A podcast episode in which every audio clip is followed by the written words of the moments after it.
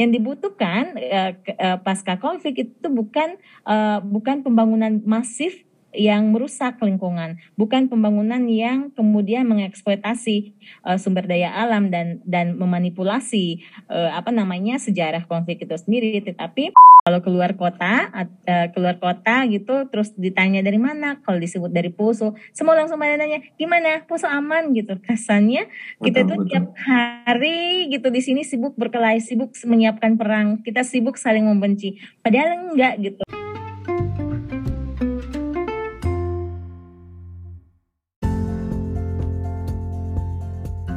Nah, uh, bisa diceritakan nggak uh, hmm. apa yang Mbak Mbak lakukan di di konflik Poso dengan pemberdayaan perempuan? Lalu apa itu Institut Mon? Ini kalau nggak salah ya Mbak ya, nggak lihat apa lipat lidah ini. Mon Monsintu, betul? Mosintu. Mosintu, ya. ya. Apa itu Mbak? Ya. Okay. Silakan Mbak. Iya, terima kasih teman-teman filsuf Abal yang sudah uh, mengundang saya untuk ikutan ngobrol di sini. Saya senang banget gitu karena uh, namanya filsuf Abal itu, tapi kok topiknya serius banget gitu. serius oh, banget. Iya, kita lalu serius. Dalam begitu ya. nah ini menarik sekali, apalagi kemudian mau mendengarkan uh, cerita dan uh, kisah gitu ya dari Poso sendiri.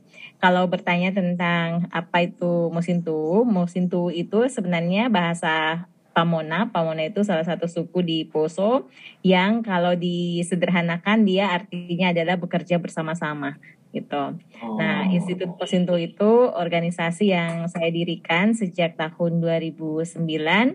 Dia uh, sejak awal memang organisasi ini fokus kerjanya dengan masyarakat akar rumput dan kita mulainya dari perempuan dan anak-anak gitu. Uh, ini latar belakangnya memang uh, sangat berkaitan dengan konteks konflik gitu ya yang dialami oleh masyarakat di Poso sejak tahun 1998 dan uh, di latar belakangi juga sebenarnya dari penelitian saya secara uh, pribadi terkait dengan bagaimana suara perempuan dan anak dalam konflik Poso. Nah, sering kali kalau kita bicara tentang konflik Poso itu kan yang paling tidak dibicarakan atau bahkan suka gitu ya. Apa pendapat mereka pengalaman mereka saat konflik. Seringkali konflik itu hanya terjebak untuk membicarakan kronologis. Dan kronologisnya itu hanya soal siapa membunuh siapa begitu. Bahkan lebih mengerikan lagi uh, hanya agama apa uh, berkonflik dengan agama hmm. apa kayak gitu. Jadi orang dilihat dari identitas agamanya, tidak dilihat dari manusianya, apalagi dilihat dari misalnya dalam hal uh, uh, dalam penelitian saya itu dengan dengan perempuan dan anak-anak di daerah pengungsian di wilayah konflik saat itu, uh, saya menemukan ada banyak sekali narasi perempuan dan anak-anak yang selama ini tidak pernah dibicarakan. Narasi-narasi itu bukan cuma soal narasi tentang kekerasan yang dialami oleh perempuan dan anak selama konflik, tapi juga narasi bagaimana perempuan mengingat proses-proses perdamaian dan upaya-upaya perdamaian yang mereka lakukan sepanjang konflik. Cerita-cerita misalnya orang Muslim uh, itu menyelamatkan orang Kristen dari uh, rencana pembunuhan oleh kelompok jihad dengan menyembunyikan mereka di masjid, atau uh, cerita tentang bagaimana orang Kristen itu memberikan makanan kepada kelompok pengungsi Muslim yang ada di hutan dan hampir mati kelaparan karena kekurangan bahan makanan, atau cerita tentang seorang ibu Kristen yang rela naik uh, mobil tangki Pertamina waktu itu uh, berkilo berpuluh kilometer untuk hmm. memberitahu keluarganya yang Muslim bahwa akan ada penyerangan oleh kelompok Kristen kayak gitu sehingga mereka bisa menyelamatkan diri. Nah narasi-narasi ini kan nggak pernah dibicarakan, nggak pernah diceritakan di samping narasi soal kekerasan yang dialami perempuan dan anak. Nah karena itu Institut Mosinto ini memang secara um, secara uh, awal sejak awal gitu ya kita fokus pada bagaimana uh, suara perempuan dan suara anak ini menjadi perhatian dalam membicarakan uh, konflik atau juga pasca konflik gitu itu kira-kira kak. Hmm, jadi banyak peristiwa-peristiwa minor gitu yang tidak tercapture, jadi malah narasi-narasi liar yang sering berkembang, mbak ya. Tapi secara singkat, Mbak, sebenarnya uh, kalau boleh diceritakan awal mula konflik Poso itu seperti apa sih, Mbak? Dan sekarang gimana keadaannya terkini? Mm -hmm. Uh, kalau singkat mungkin nggak bisa karena oh, iya. konfliknya rumit dan kompleks ya. gitu ya. Iya, Tapi iya. dia sejarah konfliknya itu kan dia rumit dan kompleks. Tapi hmm. saya yang saya bisa bilang itu kira-kira begini. Ada kekeliruan dari media massa kadang-kadang ketika menceritakan konflik Poso. Kekeliruan awal itu adalah konflik Poso hanya dibicarakan dimulai dari perkelahian anak muda uh, yang kemudian memobilisasi massa. Yang tidak dibicarakan dan justru sangat penting adalah uh, konflik itu diawali pada dalam konteks uh, politik gitu, dalam konteks politik waktu itu pemilihan uh, kepala daerah, pemilihan bupati dan wakil bupati. Nah, di saat yang bersamaan pemilihan bupati dan wakil bupati ini terjadi pada saat upaya-upaya pengusutan kasus korupsi sedang dilakukan kepada uh, keluarga salah satu calon bupati. Nah, untuk proses-proses pengamanan Uh, itu kemudian uh, agama itu digunakan untuk bukan cuma untuk memobilisasi massa untuk menutupi korupsi yang sedang diusut tetapi juga pada saat bersamaan untuk memobilisasi massa untuk mendukung calon-calon uh, apa namanya uh, pemimpin daerah ini atau, atau kepala daerah karena waktu itu agama masih sangat sensitif gitu ya untuk dimobilisasi. Jadi uh, sama-sama baik Muslim itu kelompok uh, Muslim mengatakan bahwa uh, kalau pemimpinnya nanti Kristen maka akan terjadi pengusiran kepada Muslim atau sebaliknya juga Kristen begitu. Jadi narasi agama kemudian dipakai untuk kemudian uh, memobilisasi massa untuk kepentingan politik. Itu sebenarnya yang sedang yang terjadi. Dan proses-proses uh, narasi yang kemudian di, disebarkan inilah yang kemudian uh, memobilisasi massa dan itu diperparah dengan adanya um, uh, media gitu ya, media gitu yang hanya menceritakan konflik Poso soal konflik agama kayak gitu. Dan itu menyebabkan bukan cuma bukan cuma terjadi dan melibatkan orang di Poso, tapi kemudian memobilisasi massa dari luar gitu ya. Uh, ya mulai muncul laskar jihad, kemudian kelompok-kelompok lain gitu untuk dan tanda kutip membantu kelompok-kelompok yang dianggap um, apa namanya di, diserang di sini dan seterusnya. Jadi uh, akarnya sebenarnya adalah kepentingan politik, kepentingan hmm. ekonomi gitu. Tetapi agama di, digunakan untuk memobilisasi massa baik untuk mendukung kepentingan ekonomi politiknya maupun juga menutupi jejak kepentingan ekonomi politiknya gitu kak. Hmm, wah ngeri juga polarisasi semacam itu yeah. di di politik menggunakan agama. Bahkan bahkan pengalaman kita sampai beberapa tahun terakhir pun hal itu masih digunakan. Masih. Padahal kita punya punya pengalaman yang luar biasa seperti itu ya ongkosnya besar gitu ya mbak ya. Benar, benar. Sampai ya. sekarang. Nah terus kalau misalkan dalam spesifik perempuan dan anak-anak, gimana sih Mbak Balien bisa menggambarkan perempuan dan anak-anak waktu itu di Poso itu kondisinya seperti apa karena akibat konflik?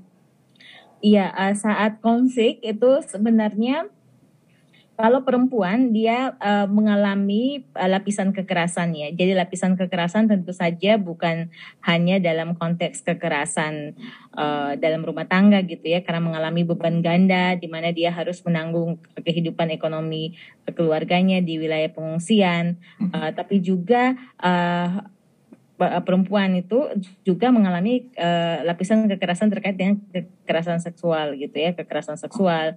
Dalam banyak hal misalnya kebijakan ke operasi keamanan di Poso saat uh, pertama pertama konflik itu uh, eh, konflik kedua ya itu uh, kemudian menyebabkan uh, ada banyak um, kekerasan seksual dialami oleh kelompok perempuan di berbagai desa gitu ya dengan mengatasnamakan uh, apa namanya perlindungan atau rasa aman gitu dari aparat keamanan.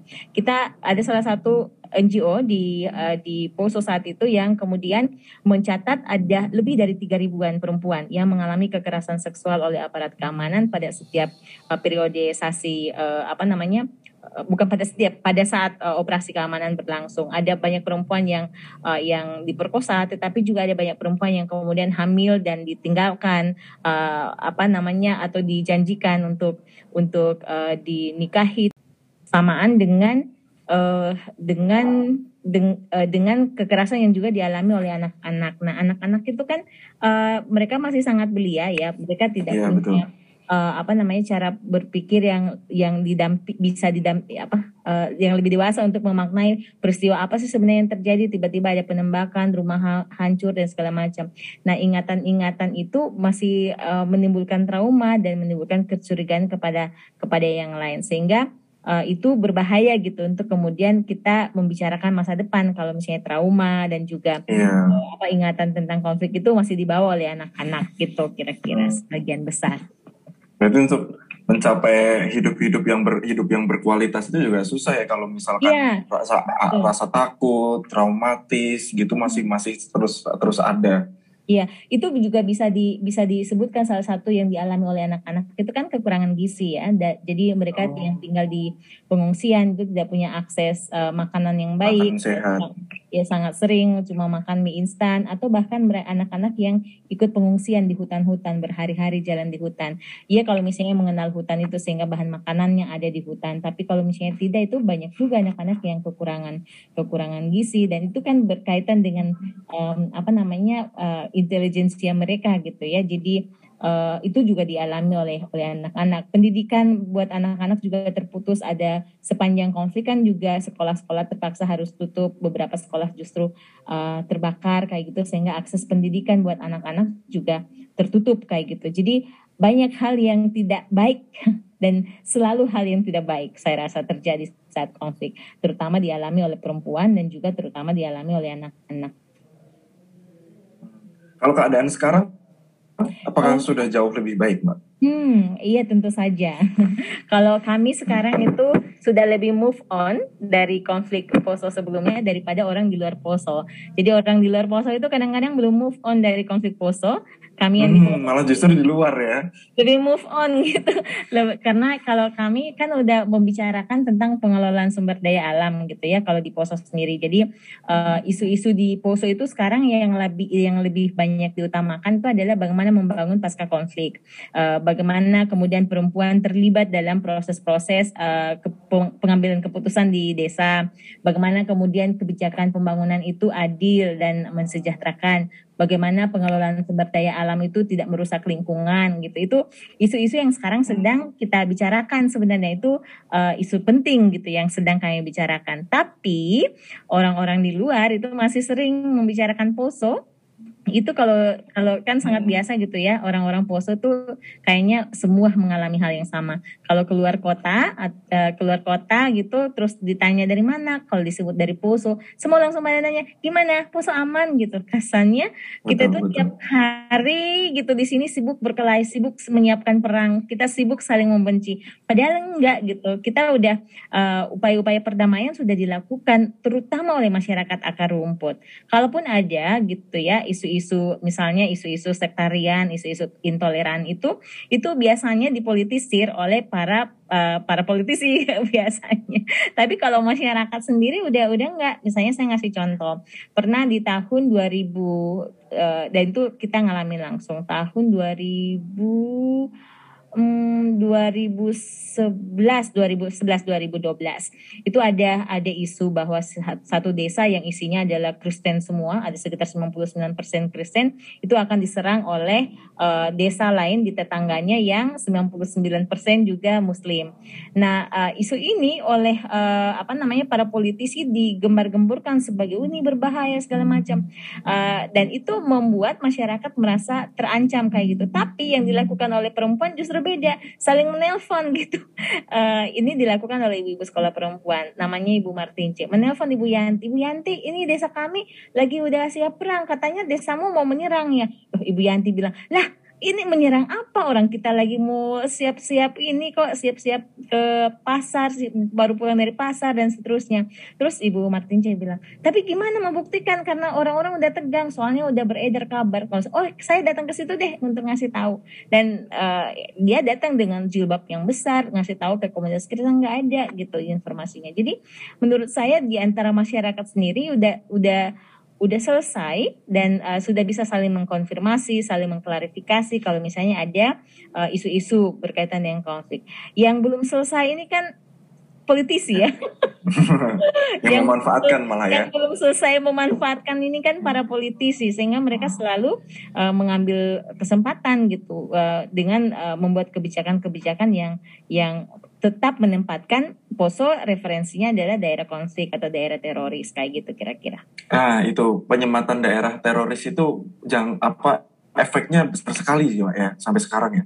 Uh, iya. Karena kan uh, pengiriman pasukan kan ide identiknya kan dengan daerah itu tidak aman, daerah itu rawan gitu kan segala macam. Mm -hmm, mm -hmm. Jadi uh, itu salah satu yang yang orang luar tidak pikirkan ketika tidak move on dari Poso ya jadi Poso sebagai kota konflik atau daerah daerah terorisme. Uh, tidak uh, bahwa dampaknya itu adalah dampak pada sampai sampai pada kebijakan. Dan kebijakan yang keliru karena imajinasi yang keliru tentang Poso itu berdampak pada kehidupan yang sehari-hari. Misalnya gitu ya uh, karena imajinasinya adalah in daerah terorisme maka ada pasukan keamanan operasi keamanan kami itu udah dua dua kalau kalau dihitung itu sejak pengejaran DPO itu sudah 11 tahun. Kalau sejak konflik Poso sudah sejak sudah 22 tahun. Jadi kalau eh, operasi-operasi keamanan itu kan kemudian menimbulkan teror sendiri kepada masyarakat gitu ya. Misalnya gitu operasi keamanan uh, di wilayah-wilayah poso pesisir misalnya itu menyebabkan ratusan hektar kebun warga itu terlantar nggak bisa diolah. Akhirnya hmm. kemudian masyarakat kehilangan tanah, kehilangan akses untuk mengelola sumber daya alamnya dan kemudian harus beralih lapangan pekerjaan atau bahkan menjadi buruh. Sementara tanah-tanah yang ditinggalkan mulai diambil alih untuk perusahaan-perusahaan besar kayak gitu. Jadi uh, apa namanya hal-hal kayak gini itu kan jadi apa namanya jadi jadi dialami kompleks ya Iya karena cara berpikir yang belum move on gitu dari dari orang-orang tentang kalau membicarakan tentang poso kayak gitu kira-kira. Lagi-lagi yang jadi korban tetap masyarakat lokal ya. Masyarakat biasa, para petani, yeah. para nelayan, perempuan dan anak-anak kayak gitu. Jadi uh, sekarang itu misalnya para perempuan yang terbiasa berkebun, apalagi waktu pas pandemi kemarin itu kan sehari-hari biasanya ya ke kebun lah ya untuk untuk kebutuhan makan, kebutuhan kuliah itu kan ada ratusan hektar cingke, eh, kopi di daerah uh, pegunungan uh, kayak gitu. Hmm. Itu kan ditinggalkan, nggak punya sumber uh, makanan yang yang lain atau sumber penghasilan yang lain untuk membiayai kesehatan, pendidikan, rumah dan seterusnya, anak dan seterusnya. Akhirnya harus beralih lapangan pekerjaan dan pergi menjadi buruh di uh, perkebunan-perkebunan uh, kayak gitu. Jadi ini mempengaruhi betul dan dampaknya besar sekali gitu. Iya ya, ya saya aku bisa membayangkan ketika tanahnya tidak tidak tergarap karena rasa takut, konflik, terus tiba-tiba sudah diakuisisi oleh perusahaan itu mm-hmm. itu apakah bisa dikatakan negara tidak hadir?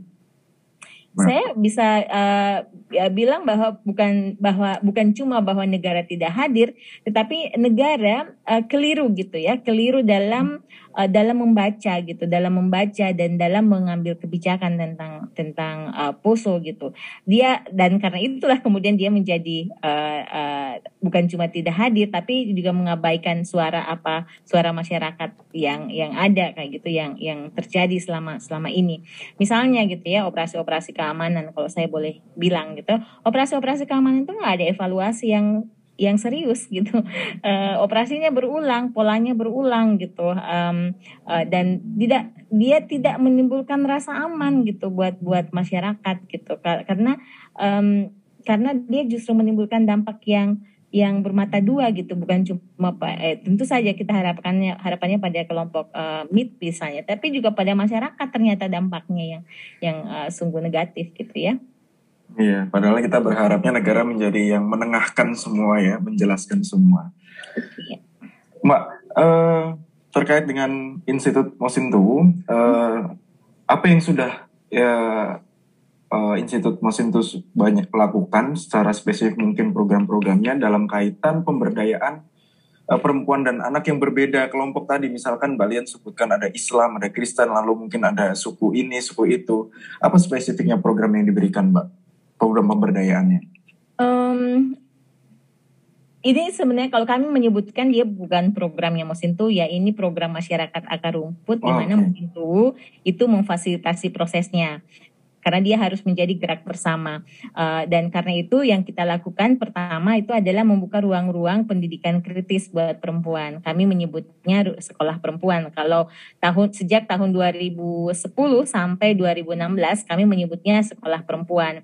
Sekolah perempuan ini menjadi ruang di mana para perempuan, uh, suara-suara perempuan dari berbagai latar belakang itu bisa didengarkan dan bisa saling meng, uh, mendengarkan satu sama lain. Dia ruang yang membongkar prasangka atas uh, uh, agama lain atau suku lain, dia meng, mengurai dendam yang selama ini ada karena kesalahpahaman, dia meletakkan konflik dalam tempatnya. Dia dia menganalisis kepentingan politik dan ekonomi di konflik Poso sehingga pengalaman traumatis dan pengalaman uh, uh, negatif yang dialami oleh perempuan diletakkan dengan tepat dalam konteks uh, konteks di mana tidak ada korban dan tidak ada pelaku uh, yang uh, dipisahkan berdasarkan identitas agama, tapi kita semua adalah korban karena uh, apa namanya uh, manipulasi agama untuk kepentingan ekonomi politik. Nah, ketika kesadaran itu di, di, dimiliki oleh kelompok perempuan yang yang berkumpul di sekolah perempuan, maka mereka punya uh, kesempatan untuk saling berjejaring satu sama lain. Berjejaring satu sama lain ini membangun solidaritas. Nah, membangun solidaritas itu bukan cuma untuk menyatakan bahwa kelompok perempuan akar rumput di Kabupaten Poso itu sudah sudah berdamai, tetapi juga bahwa uh, kelompok perempuan uh, di Kabupaten Poso itu mau uh, mau berperan aktif untuk menentukan arah pembangunan pasca konflik. Kenapa arah pembangunan pasca konflik? Karena pemerintah itu cara berpikirnya pasca konflik yang untuk membangun maka yang dibutuhkan adalah investor.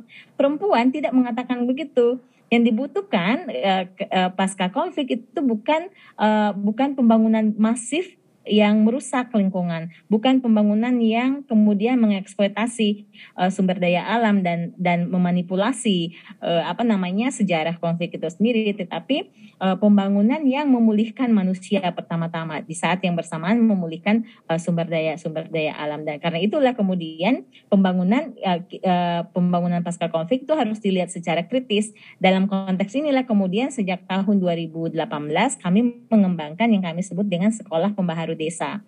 Uh, ini adalah lulusan sekolah perempuan yang kemudian uh, berkolaborasi bersama-sama lintas agama dan lintas suku untuk kemudian meng, uh, mengelola uh, uh, mengelola dan menganalisis konteks sosial ekonomi politik di desanya untuk merancang pembangunan yang berkeadilan.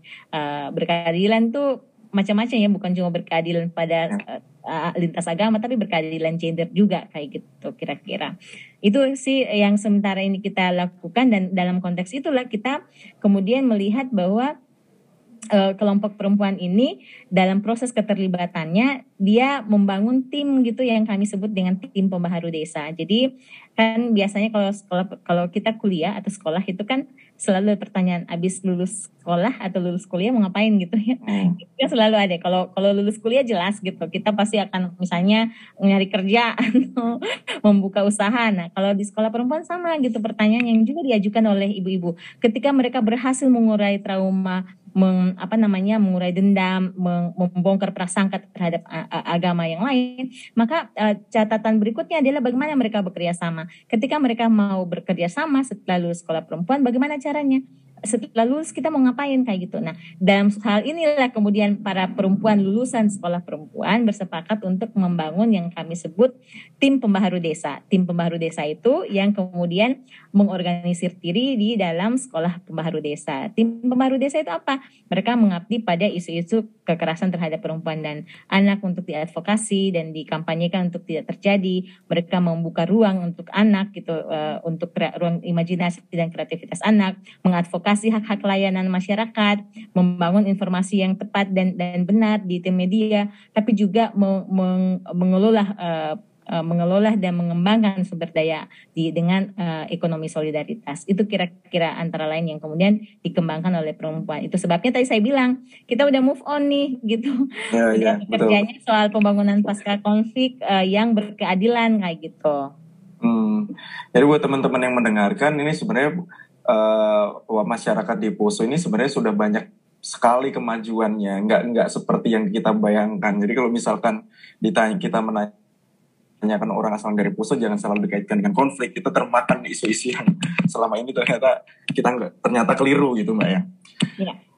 Mbak uh, dalam beberapa apa namanya uh, konflik sosial atau gesekan sosial uh, perempuan perempuan selalu selalu apa namanya memiliki gerakan solidaritas kalau saya melihat kan uh, baik di Wadas atau di tempat-tempat lain itu gerakan sosial perempuan itu selalu ada gitu. Nah Mbak Lian memandang apa sih spesialnya perempuan dalam gerakan perubahan seperti gerakan sosial seperti ini, Mbak? Hmm.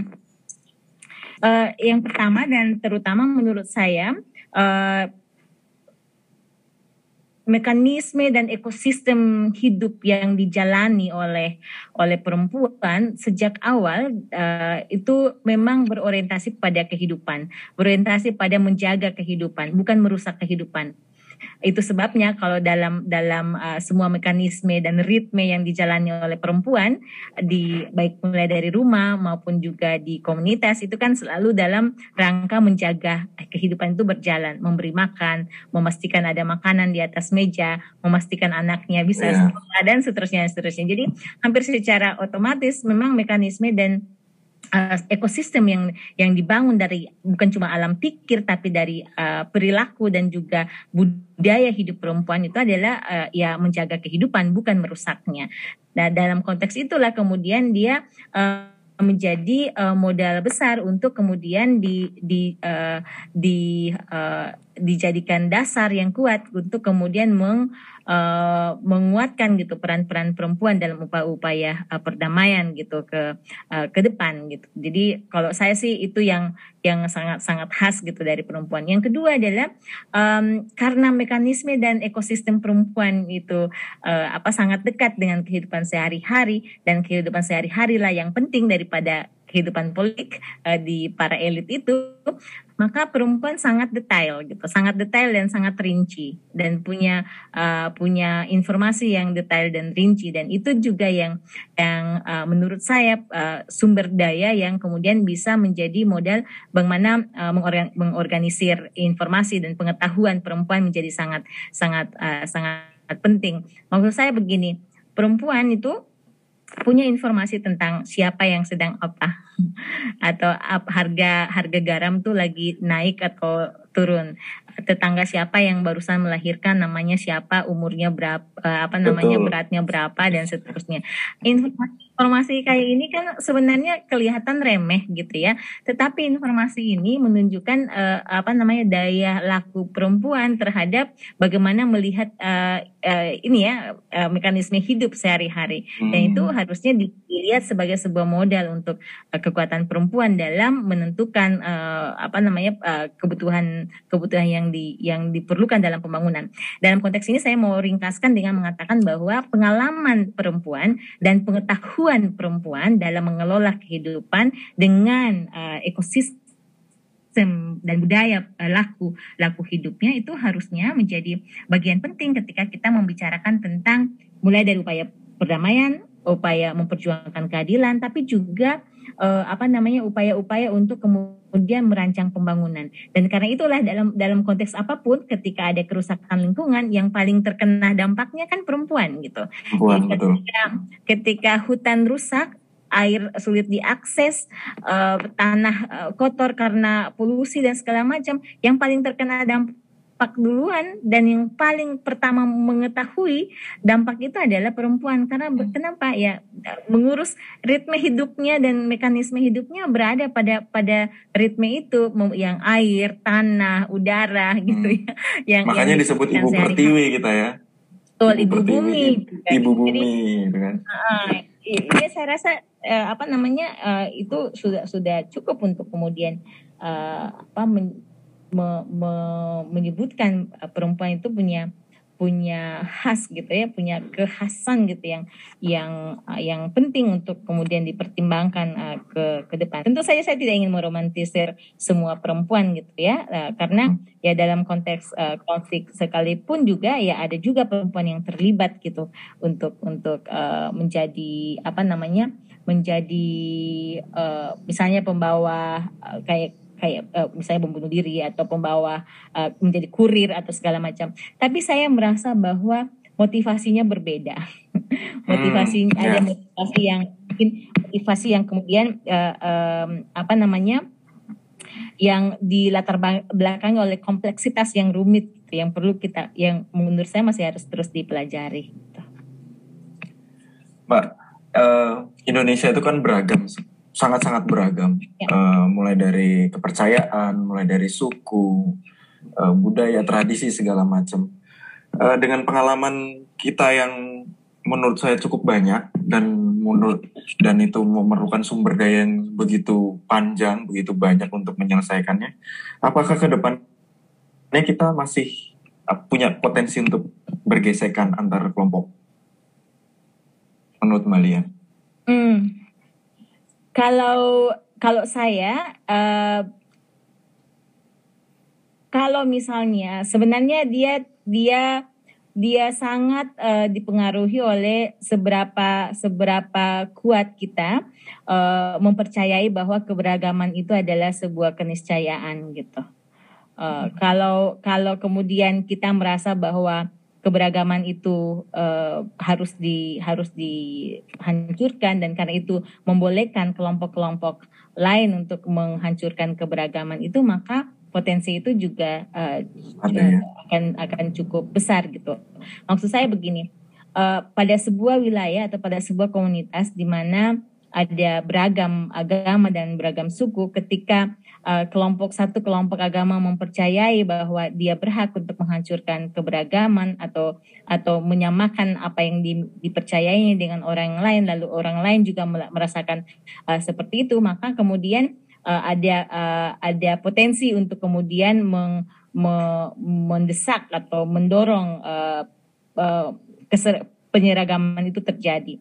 Tapi kalau tapi sejauh ini menurut saya um, kan di Indonesia meskipun sangat beragam kan komunitas-komunitas yang yang mendukung keberagaman itu kan semakin bermunculan gitu ya. Betul. Semakin uh, apa semakin banyak, semakin bermunculan dan semakin semakin kuat gitu ya untuk meng, uh, untuk meng meng, apa namanya meng, ke, meng, menyampaikan pesan-pesan pesan-pesan tentang keberagaman yang adalah niscaya dan harusnya menjadi kekayaan. Uh, dia menjadi uh, uh, saya rasa itu juga sudah terjadi ya ketika kasus uh, kasus Ahok saya rasa. Toh itu uh, hanya hanya apa namanya bukan hanya sih tapi dia petikan-petikan kecil yang kemudian oleh kelompok-kelompok agama yang moderat itu merespon dengan dengan cukup dengan cukup uh, bijak gitu. Saya rasa Poso dan Ambon itu bisa menjadi uh, pelajaran uh, yang harusnya gitu, uh, berharga juga untuk melihat bahwa uh, itu yang akan akan yang itu itu yang akan terjadi ketika kita merasa bahwa keberagaman itu harusnya tidak boleh ada di di muka bumi. Jadi saya tidak saya mungkin tidak bisa menjawab apakah potensial apa tidak menurut saya selama gerakan pro demokrasi di uh, semakin uh, tetap kuat dan tetap ada dan semakin uh, menguat gitu ya uh, di di di bumi Indonesia maka uh, kemungkinan untuk uh, apa namanya konflik itu itu konflik berdasarkan latar, uh, latar belakang agama yang berbeda itu sangat-sangat kecil. Yang saya percayai itu bisa dimungkinkan kalau dia ada motivasi politik dan motivasi ekonomi. Dalam banyak hal di di Indonesia semua yang baik itu etnis maupun juga perang apa namanya bukan konflik ya etnis atau yang dilatar belakang oleh agama, saya sangat sangat mempercayai bahwa itu ada motif politik dan motif ekonominya. Tapi kalau manusia yang yang yang beragam itu sendiri itu saya kok nggak nggak yakin gitu. Hmm. Tapi mbak, bagaimana kita sebaiknya mendudukan peran negara? Bagaimana kita negara harus hadir di di tengah-tengah keperbedaan ini, mbak, untuk mencegah konflik? Sebaiknya negara harus apa? Uh, negara itu kan diberikan kekuasaan oleh warganya gitu ya. Jadi dengar-dengar lah sama sama warganya ini. negara pertama-tama harus dengar-dengaran sama uh, sama warganya yang memberikan kekuasaan itu. Gimana caranya dengar-dengaran? Ya kebijakan melalui kebijakan-kebijakan yang mereka yang mereka uh, buat kayak gitu ya. Kebijakan-kebijakan yang tidak diskriminatif, kebijakan-kebijakan yang tidak uh, intoleran kayak gitu dan dan di situlah sebenarnya fungsi fungsi negara. Jika negara tidak uh, menjalankan fungsinya, buat apa ada negara gitu kan uh, hmm. dan uh, apa namanya untuk apa kita berikan kekuasaan gitu kepada kepada negara apakah itu berarti kemudian masing-masing komunitas mengurus dirinya sendiri kan harusnya jangan jangan begitu kan jadi kalau saya negara harus mendengar gitu harus mendengar apa yang di apa yang di uh, apa apa yang terjadi dan apa yang dirasakan oleh oleh oleh masyarakat. Dan um, itu yang yang lebih penting. Um, karena kalau misalnya disebut dengan negara hadir negara hadir kalau dengar dengaran gitu kan. Dengar mendengar apa yang disampaikan oleh masyarakat mendengarkan apa yang menjadi persoalan masyarakat. Kalau sekarang kan uh, kalau sekarang negara dikuasai oleh kelompok-kelompok tertentu atau kelompok-kelompok satu persen. Baik itu okay. um, para para pemodal ataupun juga hmm. para politisi ya itu itu bukan negara kita menurut saya gitu. Itu negara para politisi dan negara para modal gitu. Negara ini kan harusnya dimiliki oleh warganya gitu kan dan dan dikuasai oleh oleh oleh uh, warganya gitu. Kalau saya itu mungkin. Hmm, oke. Okay. mbak ini dalam rangka hari ham terakhir. Uh, apa pesan yang bisa mbak Lian sampaikan uh, terkait hari ham dalam kaitannya dengan toleransi dalam keberagaman ini mbak Kalau kita bicara tentang HAM, hak asasi manusia, yang pertama-tama dilekatkan di dalam hak asasi manusia itu adalah manusianya. Uh, tidak seorang pun di antara kita memilih mau beragama apa, bersuku uh, apa, lahir di mana dan seterusnya.